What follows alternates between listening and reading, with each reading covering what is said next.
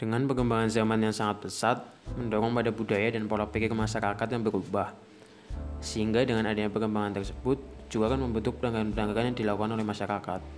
Perkembangan teknologi informasi yang pesat berdampak pada semakin variatifnya kebutuhan masyarakat, yang salah satunya bentuk barang dan jasa hasil karya manusia. Buku menjadi hasil karya manusia yang tidak luput dari pelanggaran ataupun kecurangan. Oleh karena itu, edukasi dan juga perlindungan hukum sangat diperlukan. Saya tekankan, ini sebuah opini. Mari saling mengedukasi, saling mengingatkan.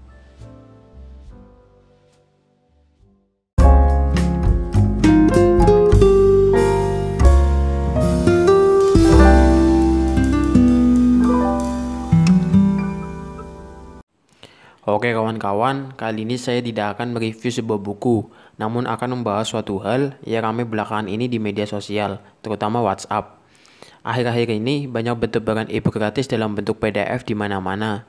Bahkan banyak yang menyebarkan lewat status WA, mengirim link lewat grup ataupun pesan pribadi.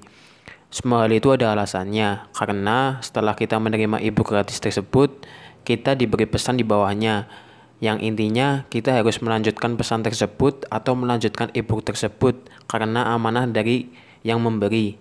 Sehingga banyak bertebaran e-book dalam bentuk PDF di mana-mana. Mungkin dengan adanya penyebaran e-book gratis tersebut memiliki tujuan yang baik, yaitu untuk menemani kawan-kawan di rumah karena keadaan yang sedang seperti ini.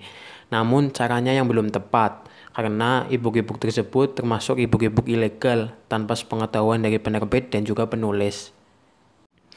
Saya sendiri orang yang sulit membaca e-book karena pusing dengan cahaya HP ataupun laptop. Namun saya kemarin mendapatkan e-book-e-book PDF tersebut yang saya niatkan untuk dibaca. Dan saya mendapatkan salah satu e-book yang sangat memprihatinkan karena isinya yang berupa scan-scanan ataupun terlihat seperti foto. Hal itu yang membuat saya membatalkan niat untuk membaca e-book tersebut. Karena saya sadar bahwa kita sebagai pembaca harus mengapresiasi penulis dan juga penerbit karena tidak semudah itu dalam membuat dan juga memproduksi sebuah karya, terutama ide-ide penulis yang membutuhkan waktu lama agar menghasilkan buku yang luar biasa. Oke kawan-kawan, untuk selanjutnya kita sambung di segmen kedua.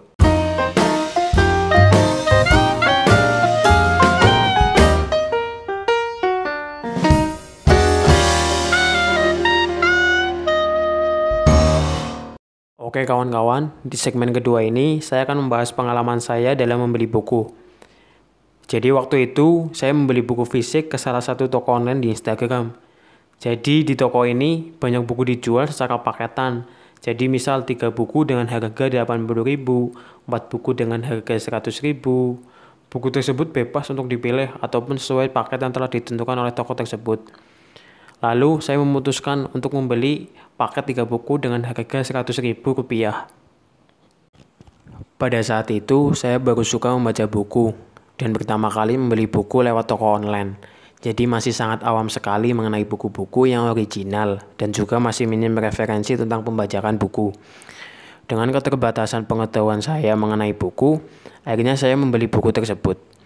Setelah beberapa hari, buku itu sampai dan saya langsung membuka paket tersebut, lalu melihat buku-bukunya, melihat dari halaman per halaman, dan akhirnya saya sadar bahwa kertas dari buku tersebut kertas fotokopian, lalu lem dari buku itu tidak rapi, dan juga terlihat dari ukurannya lebih kecil daripada yang saya lihat dari punya kawan saya.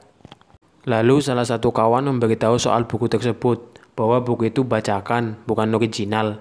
Lalu saya lihat-lihat di beberapa toko online yang lebih terpercaya, Ternyata iya, harganya lebih jauh daripada yang bacakan. Lalu dari kejadian itu, saya mulai mengikuti toko buku online yang lebih terpercaya dan lebih hati-hati dalam membeli buku. Kemarin saya membaca sebuah artikel di beritadakar.id yang membahas tentang membacakan buku.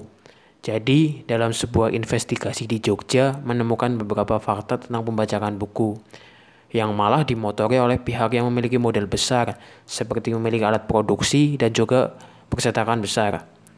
Bahkan pembajakan tersebut sudah menjadi industri perputaran uang yang mencapai ratusan juta, yang jumlahnya sebesar itu, bahkan mengalahkan keuntungan penerbit berskala kecil. Sesimpel itu pembajakan dilakukan, tanpa membayangkan penerbitan buku yang asli, yang membutuhkan waktu yang lama. Ada beberapa pekerja di dalamnya seperti penulis, editor, konseptor buku, dan lain-lain. Bisa dibilang pembajakan membunuh industri legal perbukuan.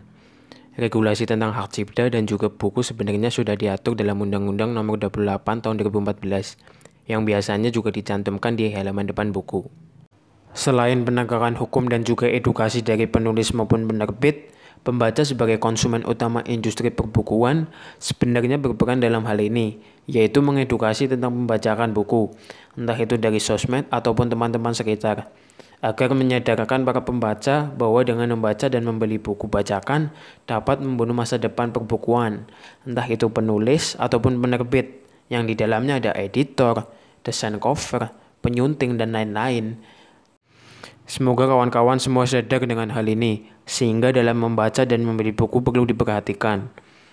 Saya masih belajar di sini, mari saling mengedukasi, saling mengingatkan.